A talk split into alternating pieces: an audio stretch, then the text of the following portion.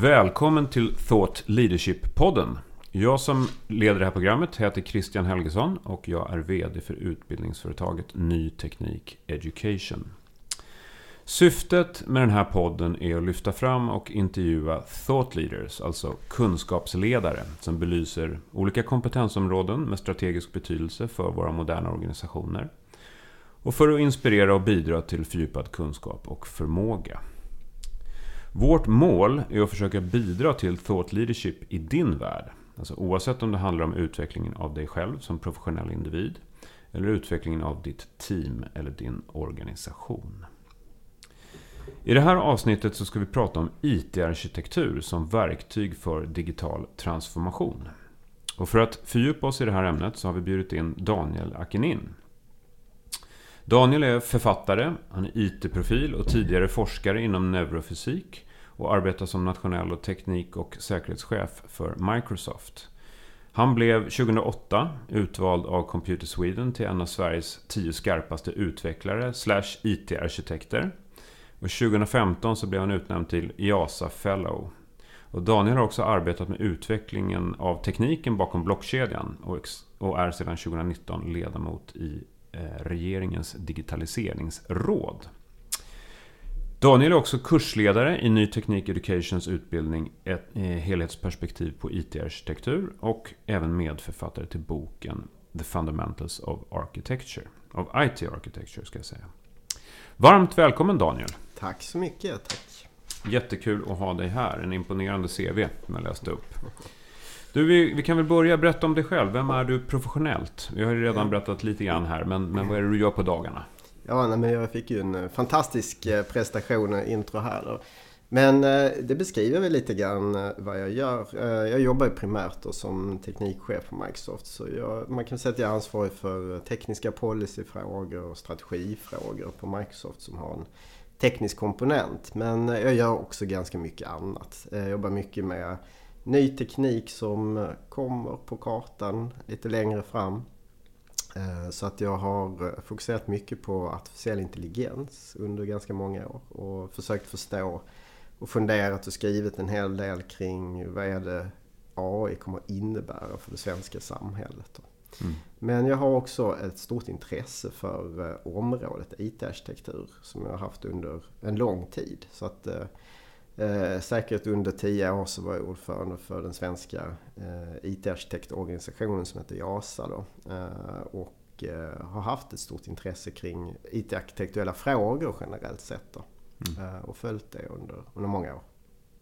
Hur kommer det sig att du är så intresserad av IT-arkitektur?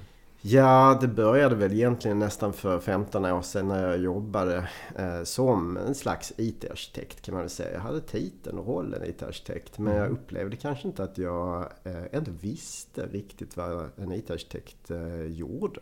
Eh, mm. Även om jag hade den som yrkesidentitet. Mm. och då började jag fundera mer kring vad, vad innebär det att vara IT-arkitekt och vad är det man behöver kunna och vad finns det inom det här området och hur kan man utveckla det vidare. Så att det var på den vägen snöade in på området. Men om vi börjar där då i ämnet IT-arkitektur och lite övergripande. Vad är det för någonting mm. egentligen? Mm. Ja, det är ju inte helt uppenbart och så kände jag ju själv när jag arbetade som IT-arkitekt egentligen.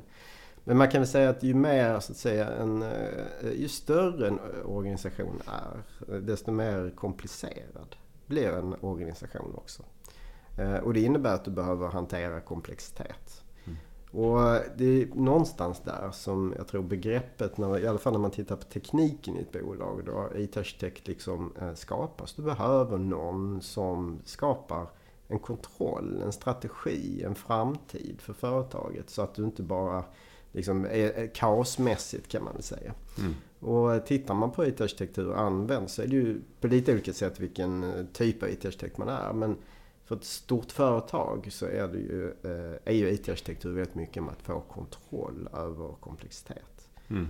Eh, det är den ena delen. Sen skulle jag vilja säga att en annan del kring IT-arkitektur, det är mycket kring balans. Det vill säga, vad är det för värden ett företag har och vill uppnå. Vill man ha hög kvalitet på sina produkter? Vill man att de ska vara väldigt eh, billiga? Vill man att de ska vara snabba till marknaden?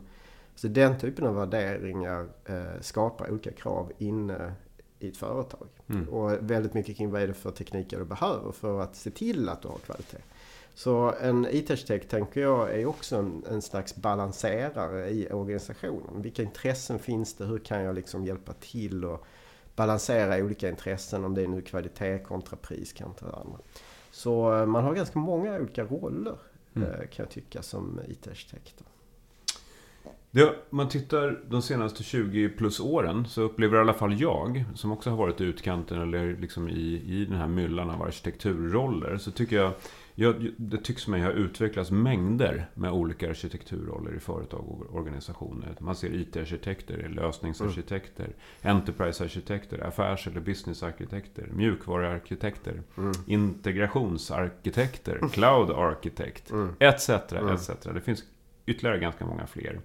Hur ser du på den här utvecklingen? Mm. Är jag nyfiken på. Mm. Tycker du att den här utvecklingen är liksom homogen och samordnad och stringent i någon mm. mening? Eller, eller ser vi en väldigt fragmentiserad och snårig mm. bild här mm. av, av, ett, um, av utvecklingen av det här arkitekturbegreppet? Mm. Ja, det är lite gott och blandat eh, som du beskriver där.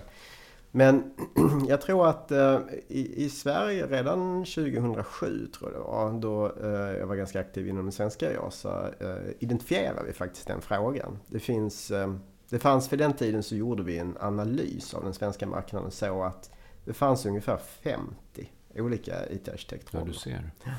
Och det är precis de du beskriver och ännu fler naturligtvis. Och så ställde vi oss frågan, men finns det 50 olika liksom, tydliga yrkeskategorier inom IT-arkitekter? Eh, och svaret på den frågan är ju nej. Eh, mm. Det gör det ju inte egentligen. Utan många av de här liksom rollerna gör samma saker. Men de har en olika titel. Mm. Eh, och det kan också vara att ett företag har en kultur att ge en viss titel. Och det liksom lever kvar i decennier. Så det vi gjorde då, det var att försöka analysera de 50-talet IT-arkitektroller och försöka samla dem till någon slags övergripande bild. Mm. Och det var väldigt mycket där som det då landade i de rekommenderade IT-arkitektrollerna från IASA också då, som var ju fyra stycken egentligen. Det var ju då lösningsarkitekt, eh, verksamhetsarkitekt, eh, enterprisearkitekt och mjukvaruarkitekt. Mm.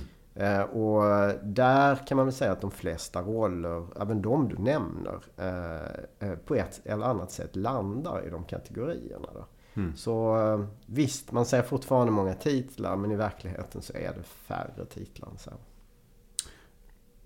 Upplever du att IT-arkitekturen omfamnar hela arkitektur? Ehm, när man pratar om arkitektur i företag, allt, all, all arkitektur du pratar om, kan det innefattas det i IT, de här IT-arkitektsrollerna menar du då? Nej, det behöver du ju inte göra. Uh, utan uh, man kan väl säga att IT-arkitektur touchar ju väldigt mycket kring vad teknik kan göra för mm. ett företags uh, affär. Sen finns det ju andra intressen också för ett företag. Det kan ju vara en fråga kring hållbarhet till exempel. Som inte nödvändigtvis då touchar IT-arkitektur på det mm. sättet. Och det kan göra det men det behöver inte göra det. Så det, det, det, kan man inte säga. Det är inte en hel tech täckande liksom, arkitektur för ett företag. Det, det skulle jag inte påstå. Nej. Men den här boken, mm. The Fundamentals of IT Architecture, som du, är, som du är redaktör för och har skrivit tillsammans med fyra andra författare. Är, är det här då ett bidrag, skulle du säga, för att bringa reda i begreppen och sortera ut de här olika arkitekturområdena och hur de förhåller sig till varandra? Ja, det skulle jag vilja säga. Det är en ganska bra beskrivning. Ehm, det vill säga, när vi tog fram den där boken, då gjorde vi också en fundering kring marknaden. Vad, vad finns det för liksom, böcker som hanterar hela området? Och de flesta böcker hanterar en unik del. Det kan vara liksom en specialdel av mjukvaruarkitektur som man då går väldigt djupt inuti. Men det saknas egentligen en så här heltäckande förståelse. Och det är ju också att den här boken är då gjord av många författare med många kompetenser. Eh, och det var just det vi lyfte in Eh, liksom, liksom kompetenserna som fanns under, eh, på hela marknaden för att försöka samla dem i en bok. Så målsättningen där det är ju att få just en, liksom en heltäckande kan man väl säga då. Mm. Bild över hur det förhåller sig utan att gå jättedjupt inom olika områden. Mm, okay. Och i Jag tänkte att vi skulle titta lite grann på de här ämnesområdena. Mm. Ehm, I boken och dess, dessutom då i den här kursen Helhetsperspektiv på IT-arkitektur som vi arrangerat tillsammans med er. Så har ni då definierat IT-arkitektur som uppbyggt av fyra områden. Det första är Enterprise-arkitektur. Och sen så har vi, nu säger de på engelska då, Mm. Business Architecture, Solution Architecture och Software Architecture. Jag tycker vi, när vi ändå sitter och pratar om IT-arkitektur och försöker Mm. liksom förstå definitionerna så här. Om vi skulle kunna beskriva respektive område här lite kort Mm. och sen så förklara lite grann hur de hänger ihop. Mm.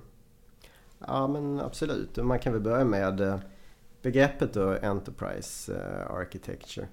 Jag kan väl bara säga att när det begreppet började formeras i Sverige då fanns ju också en fråga kring kan man inte ha ett svenskt ord eh, istället? Måste man använda ett engelskt ord för det här? Eh, Men det är inte helt enkelt att göra en översättning till svenska. Det, det, det klassiska företagsarkitektur passar inte riktigt. Eh, Det är ju inte bara företag det här är viktigt för. Organisationsarkitektur, koncernarkitektur. Koncernarkitektur är väl kanske det som någonstans har haft, eh, varit närmast i en översättning. Men Mm. det som ofta händer med de här engelska begreppen är att det finns ingen riktigt bra svensk och till slut så etableras de engelska begreppen som i praktiken ett svenskt begrepp. Då. Så nu har man nog landat i att Enterprise arkitektur är liksom nästan ett, ett svenskt begrepp. Då. Ehm, och det här är en ganska eh, gammal roll skulle jag säga som man har haft funderingar kring i, i ganska många decennier. Den har också varit lite svår att definiera. Folk har haft lite svårt att förstå vad innebär det egentligen om man är så att säga, en Enterprise-arkitekt. Mm. Eh, Men jag tror att det här handlar väldigt mycket om det som jag började, mm, vi började prata om. Det vill säga hur hanterar du komplexitet och en lång strategi från ett företag? Mm. Så jag tror att företag som eh, inte har någon Enterprise-arkitektur överhuvudtaget, det finns ju många sådana, blir lätt eh, projektstyrda istället. Det vill säga du har projekt efter projekt som får ett, ett uppdrag och sen ska du lyckas med det projektet. Och Mm. du mäter framgång på projektets framgång. Eh, Men det finns ganska dålig kontroll mellan projekten. Har liksom ingen... Dålig kontroll på Ja, helheten. ja. ja. Exakt, och det innebär att du får en väldig komplexitet i din organisation. Har olika standarder, olika tekniker, olika strategier, olika förvaltning. Det, det, blir, det ökar bara liksom komplexiteten. Och om du ökar komplexiteten i ett bolag då blir det också svårt att vara agil. Därför det kostar för mycket att göra förändringar för det är så komplicerat. Så Enterprise-arkitektur handlar ju väldigt mycket om det här. Eh, liksom hur kan man se till att få kontroll över teknikutvecklingen, strategin. Har vi någon väg framåt? Hur ser den vägen ut? Och vad bör läget vara? Hur hanterar vi stora uppköp av företag och integration av de system och alla de här bitarna. Mm. Eh, Så det, det kan man säga, det ryms ganska mycket i det begreppet. Man får också väldigt pragmatisk kring hur man vill använda den rollen, hur det passar Mm. Eh, just det företaget man, man arbetar på. Så det, det är väl den ena delen av Enterprise-arkitektur. Eh, Den andra är då Business Architecture. Vänta, men bara Ja, snabbt. innan vi lämnar ja, Enterprise-arkitektur-delen så var jag bara nyfiken på var börjar och slutar den någonstans? Alltså börjar den i liksom affärsstrategi och slutar i någon annanstans? Och var tar business-arkitekturen vid så att säga? Ja. Vad, Mm. eh, Alltså den behöver... vad är scopet? Ja, och där, där, får man, ju- där har man ju ganska stor frihet tror jag i den egna kulturen, egna företaget att besluta kring det. Eh, innehåller den affärsstrategi överhuvudtaget? Behöver inte göra det. Den kan göra det men behöver inte göra det. Eh, och man brukar väl säga att när du, var slutar den är också en bra fråga. Men den slutar nog mer när du börjar komma ner kring projekten. När du börjar prata mer om processerna i företaget. Alltså de mer, mer konkreta sakerna. Mm. Eh, som kanske inte har en strategisk betydelse. Utan har en, en mer scope eller domänbetydelse i ett företag. Då kommer du in mer i de andra arkitektrollerna skulle jag säga. Yes, då är Ja. jag nöjd med det. Då går vi vidare till business architecture. ja, och då kommer man in i den här också, ska jag säga, den här engelska problematiken. Vi pratar om businessarkitekter här. Och eh, den rollen, det skulle man kunna kalla det för en affärsarkitekt kanske. Men en affärsarkitekt i en svensk kontext är, är annorlunda än hur vi faktiskt översätter en businessarkitekt i Sverige. Som då blir verksamhetsarkitekt i Sverige, Mm. i Sverige på svenska. Om du förstår. Just det. En verksamhetsarkitekt och en affärsarkitekt är inte riktigt samma Mm. Eh, approach. Då. Eh, och en verksamhetsarkitekt, varför finns den rollen? Den rollen har eh, faktiskt lite grann med svensk kultur att göra. Det vill säga man har identifierat ett behov av en titel som verksamhetsarkitekt. Man har eh, ifrån den svenska dataföreningen till exempel en kurs inom verksamhetsarkitektur som man då har använt under många, många år. Och det har lite grann formerat, format den svenska marknaden till att eh, eh, det finns väldigt många arkitekter i Sverige som eh, går under titeln eh, verksamhetsarkitekt. Men om du kommer över till ett annat land som USA eh, så, där, så, så, finns inte det begreppet lika tydligt där. Då är det mer business architecture eh, som vi kallar det här. Mm. Men det handlar ju mer om att förstå verksamheten på en djupare detalj än vad en enterprise-arkitektur eh, mm. arkitekt kanske gör. Utan då är du fokuserad på verksamheten. Det är liksom, du förstår processerna, du förstår hur du, och du är ofta då engagerad i stora IT-projekt därför att du förstår vad IT kan uh, göra inverkan i mm. ditt företag och vad den kan få för effekt. Mm. Så uh, där är ju mer så att säga hands-on i, i den uh, rollen. Okay. Mm. Um, och sen går man vidare till de andra rollerna så är ju de lite mer tekniska då.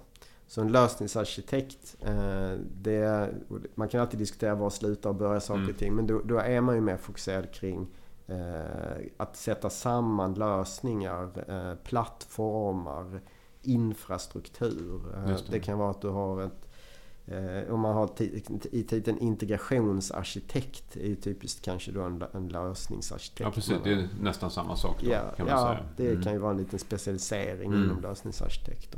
Mm. Eh, säkerhet ligger ofta kanske där också, även om säkerhet kan man lägga på lite olika ställen. Mm, mm. och sen kommer man ner, ännu mer ner till liksom själva eh, programvaran. Då är det ju eh, mjukvaruarkitekter. Just det. Och det är ju en mer traditionell liksom arkitektroll som på engelska ofta är, kallas för engineer faktiskt skulle jag säga. Så du är ofta software engineer eller och den begreppet kanske då kommer mer in kring arkitektur. Man kallar sig inte så ofta mjukvaruingenjör i eh, Sverige faktiskt. Nej. Bra, då har vi fått en liten grundläggande ja. koll på, på de här rollerna och hur det hänger ihop. Men du, man pratar också, och vi har ju som titel på det här avsnittet, IT-arkitektur som verktyg för digital transformation. Och det mm. pratade du, jag läste, tittade som, äh, läste ditt kapitel i er bok, bland annat, och där nämns det här begreppet också. På vilket sätt eh, arbetar man med IT-arkitektur eh, som verktyg för digital transformation? Kan du utveckla den idén så att säga? Ja, nej men alla företag vill ju på något sätt göra en digital transformation. Och det är, betyder ju, vad betyder det? Det betyder ju både att, så att säga, digitisera sin verksamhet, det vill säga mm skapa så mycket digitala artefakter du har i ditt företag som du kan börja jobba med. Så mycket pusselbitar som möjligt. Så allt du gör, försök skapa någon slags digital representation. Mm. Och sen försöker du göra en transformation i ditt företag med hjälp av de här digitala artefakterna. Om det nu är att du jobbade med papper som du nu har pdf som eller du jobbade med signaturer som du nu har kryptografiska digitala filer istället. Alltså det, det är hela tiden att man försöker ta något fysiskt och göra det till digitalt. Mm. Och jag tror att om du ska göra en slags digital transformation då är det ju typexempel på vad en IT-arkitekt också är skicklig på att arbeta med. Det vill säga, var befinner vi oss nu? Vad är nuläget? Mm för vårt företag. Tekniskt, mogenhetsmässigt, eh, kunskapsmässigt, alla de här bitarna. Eh, och vad vill vi nå? Vad vill vi gå i den här digitala transformationen? Hur ser jag ut när jag är färdig? Man blir aldrig riktigt färdig men man måste ju ändå måla upp någon slags börläge från ett nuläge till ett börläge. Mm. Eh, och den verktygslåda som finns hos IT-arkitekter med att förstå processer, olika typer av modelleringsspråk och alla de här bitarna. Mm. Eh, är ju viktiga hjälpmedel för att liksom sätta sig ner och få kontroll från plan. Så att eh, jag tror att arkitekter är jätteviktiga i en, så att säga, en digital transformationsresa. Och få ihop helheten på något sätt. För det sker ju otroligt många digitaliseringsinitiativ och projekt i en stor organisation. Att få ihop den här en bild, den gemensamma bilden och mm. se vart helheten är på väg. Mm. Absolut. Mm. Det är ju det är också något som man är, man är skicklig på som mm. Eh, arkitekt. Du, eh, IT-arkitekturen utvecklas naturligtvis precis som allt annat. Hur kommer den utvecklas framöver skulle du vilja säga? Mm. Ja, men om man funderar lite grann hur den har utvecklats då de senare åren. Eh, det jag tycker det är ju att man ser en, eh, kanske en, en viss förflyttning ifrån eh, tekniska fokuset. Det har, det har alltid funnits där såklart. Men i och med att man på många ställen så att säga abstraherar bort mycket mer av tekniken. Det blir liksom man får molntjänster till exempel som mm. då har liksom komponenter utav någonting som man var tidigare tvungen till att vara väldigt detaljerad och kunnig kring. Mm. Så behöver man mer liksom, kunskap om komponenterna. Så det, det är en lite annan teknisk approach man ofta brukar ha som arkitekt idag.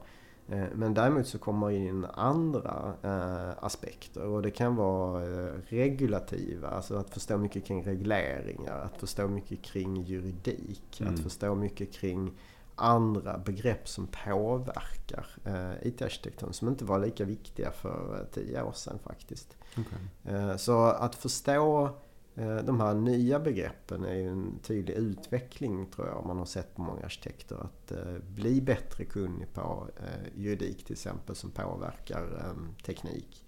Men också hållbarhetsaspekter.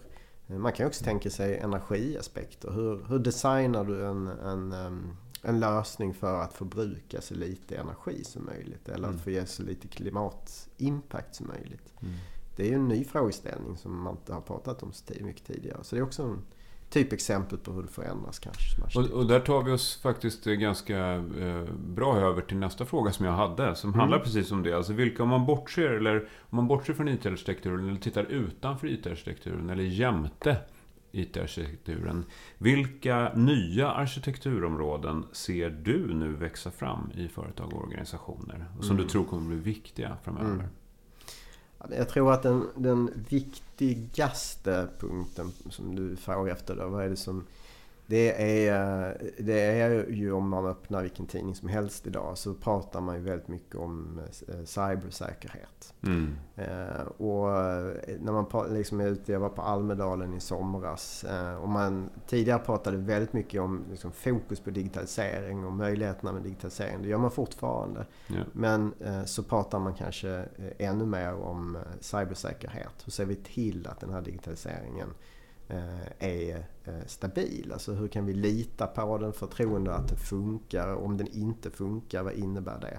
Mm. Så jag tror att eh, mer fokus kring eh, att se till att det är säkert. Inte bara från mot hackare utan även att det är säkert kring eh, ur totalförsvarsperspektiv. Vad händer mm. om man får en invasion i ett land till exempel? Mm. Den frågeställningen har inte ställts tidigare. Så man måste ta in nya typer av hotbilder och som arkitekter börja fundera kring hur ska jag hantera eh, liksom de här IT-lösningarna med de här nya typerna av hotbilder. Mm. Så där är ett område som är, är, tycker jag är väldigt hett och jag tror man kommer att lägga mycket tid på framöver. Mm -hmm. uh, IT-arkitekturen har ju under många, många år spelat jättestor roll för, och som du har varit inne på nu också och som har pratat om, det här, för digitaliseringen av våra organisationer och våra verksamheter under de senaste kanske 20 åren eller så. Mm. Men nu ser vi ju, du var inne precis nu på cybersäkerhet och säkerhetsfrågor. Eh, men vi ser ju också andra, massa andra nya teknologier som kommer in. Och du nämnde inledningsvis också att du har funderat rätt mycket kring AI och sådär. Mm. Ja, men vi ser AI gör liksom ganska snabba eh, intåg nu på, på, i många organisationer. Och processer och blockchain är ju en annan sån här ny teknologi, eller hyfsat ny. Och vi ser en, liksom en ökad elektrifiering till exempel nu. Mm. Så att, hur skulle du säga att, um, hur förhåller sig de här nya tekniska trenderna mm. till liksom mer traditionella IT-arkitekturen då? Ja, nej men eh, man kan väl säga att ny teknik kommer in hela tiden. Liksom i ett konstant flöde, nästan en sån här Gartner-kurvan. Det liksom dyker alltid upp något mm. nytt och något annat liksom försvinner ut. Då. Eh, och jag tror att eh, alltså de flesta företag, när det börjar dyka upp en ny teknik som man uppfattar har en väldigt stor eh, impact på en själv. Då brukar man ofta skapa en slags strategi kring det. Det kan vara att uh, artificiell intelligens... Du tänker att företag skapar en strategi ja? Eller exakt. Ja, mm. Om du tar den senaste trenden som är AI. då har du ju sett många bolag som börjar fundera kring vad innebär AI för oss? Det vill säga att nu kan vi kanske automatisera delar som vi aldrig ens har reflekterat över att vi kan automatisera tidigare. Eh, därför att AI då är så duktig på kognitiva funktioner som att läsa, se, höra. Och där har man inte haft någon digitalisering innan. Mm. Eh, och då bygger ett företag upp en ny strategi kopplat till det. Eh, till AI till exempel. Men det som händer över tid eh, det är ju att ny teknik eh, blir ju, eh, det är ju också typiskt med Gartner-kurvan, den blir ju inkorporerad i företaget och innovationsförmågan är väldigt snabb i början och sen blir det liksom en, en lite mer naturlig del av ett företag. Mm. Och man pratar inte lika mycket om tekniken sig utan om kanske då AI blir mer och mer digitalisering kanske.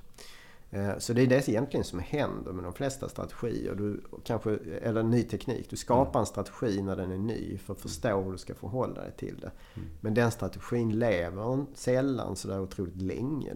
Utan den, på sikt så integreras den in i det liksom traditionella IT-arkitekturen. Ja. Liksom. Så man kan behöva en strategi eh, en period eh, mm. för att förstå och känna på, förändra sitt företag kanske men på sikte så kommer liksom det inkorporeras. Så ett exempel som jag ofta brukar lyfta fram det är ju att eh, jag menar, vi hade ju elektrifieringen eh, mot slutet av 1800-talet. Mm. Det var lika mm. stor grej som digitalisering faktiskt. Mm. och det är ju få företag som har en elstrategi idag. Man har inkorporerat den. Men nu läste jag faktiskt i tidningen att det fanns något bageri här som hade skapat en elstrategi med en solpanel på grund av. Så att, eh, vi kanske mm. är tillbaka till elstrategier igen. Med de ja, kanske det. Jag så läste idag att det var ett, ett eh, pappersmassaföretag nere i Småland som faktiskt stänger igen nu. För de, de får inte nej. lönsamhet i affären. Nej, nej. Så att, eh, ja, det kan mm. vara kanske på sin plats med en elstrategi. Ja. Ja. ja, men jag förstår vad du menar. Du, eh, om man tittar på eh, case eller andra, liksom så här, vilka, vilka, kan du ge några exempel på eh, case eller företag eller organisationer som har varit framgångsrika? Som har lyckats med sin digitalisering på ett bra sätt baserat på att de har liksom ett framgångsrikt arbete med IT-arkitektur. Mm. Och i så fall, vad är hemligheten där? Vad, vad har gjort dem framgångsrika? Ja, jag kanske inte ska eh, peka finger åt eh, varken eh, positivt och negativt företag. Men de flesta stora företag i Sverige har ju en, en Enterprise-arkitektur, organisation och IT-arkitektur. Tänk eh, mm. naturligtvis. Då. Och eh, om man ska säga de, de som jag tycker då har lyckats eller inte lyckats. Det är väl eh, det som man har sett kanske inte var så framgångsrikt. Det är större företag som har gjort ganska stora investeringar i Enterprise Architecture organisationer. Eh, med kanske 10, 15, 20 personer som arbetar bara med den frågan. Eh, men att jag har gjort den där ganska eh, isolerad. Mm. Det vill säga man kanske sitter och tar fram guidelines, vägledningar i den där gruppen. Kanske man sitter på fysiskt i ett annat land, alltså det är virtuellt och du, sitter inte, du träffar inte verksamheten riktigt.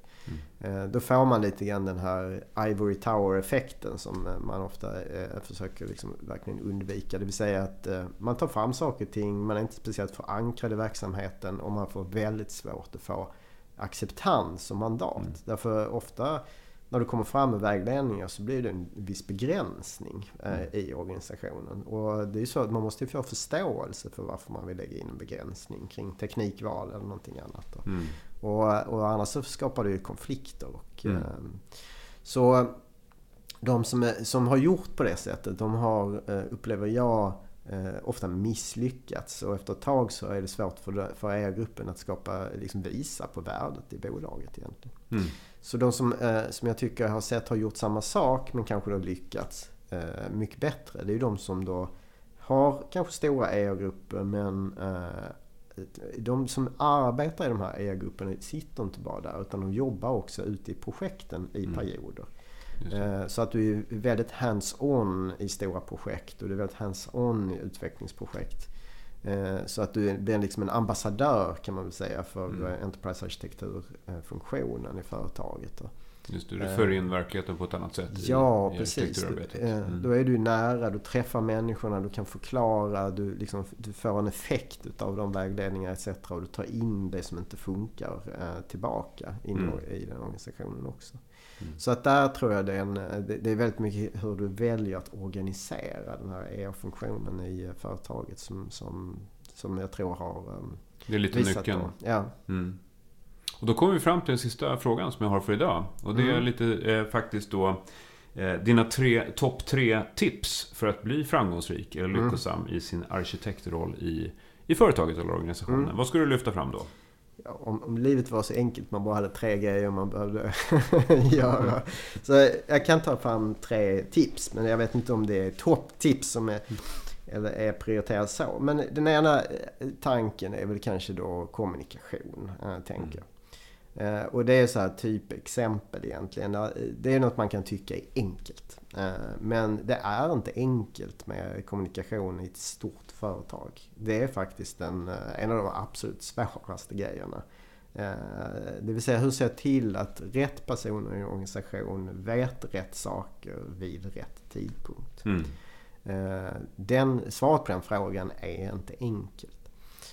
Och därför blir det väldigt viktigt tror jag som IT-arkitekt att vara en skicklig kommunikatör. Förstå behovet av kommunikation och acceptans i organisationen. Eh, Och, och om man inte liksom har eller fokuserar på det eller förstår vikten av det då kommer man få problem som IT-arkitekt och få Mm. acceptans för det man, man är satt att göra och då blir det svårt att göra sitt jobb Mm. eh, rent konkret.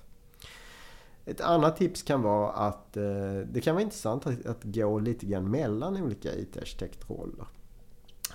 Att kanske som lösningsarkitekt arbeta en del som mjukvaruarkitekt för att få kompetens kring det. Eh, därför att annars så blir man också väldigt kanske isolerad i sin roll och får inte riktigt förståelse för behoven för en mjukvaruarkitekt. Det här är ju en kommunikation mellan rollerna också. Mm. Så jag tror att eh, även om du inte behöver vara expert som mjukvaruarkitekt så är det, tror jag det är viktigt även som lösningsarkitekt och de enterprise-arkitekt också att förstå vad är behoven, hur jobbar man som, som eh, mjukvaruarkitekt och vice versa. Faktiskt. Så prova att vandra lite grann mellan olika arkitektroller. Just det. Och, eh, Bredda sig lite. Ja, precis. Och eh, sen tror jag vi touchade lite grann den andra frågan. Var också bere- beredd att bredda det in i andra områden som kan vara intressanta. Eh, Och det kan ju vara till exempel då juridik. Det kan vara frågor kopplade till säkerhet.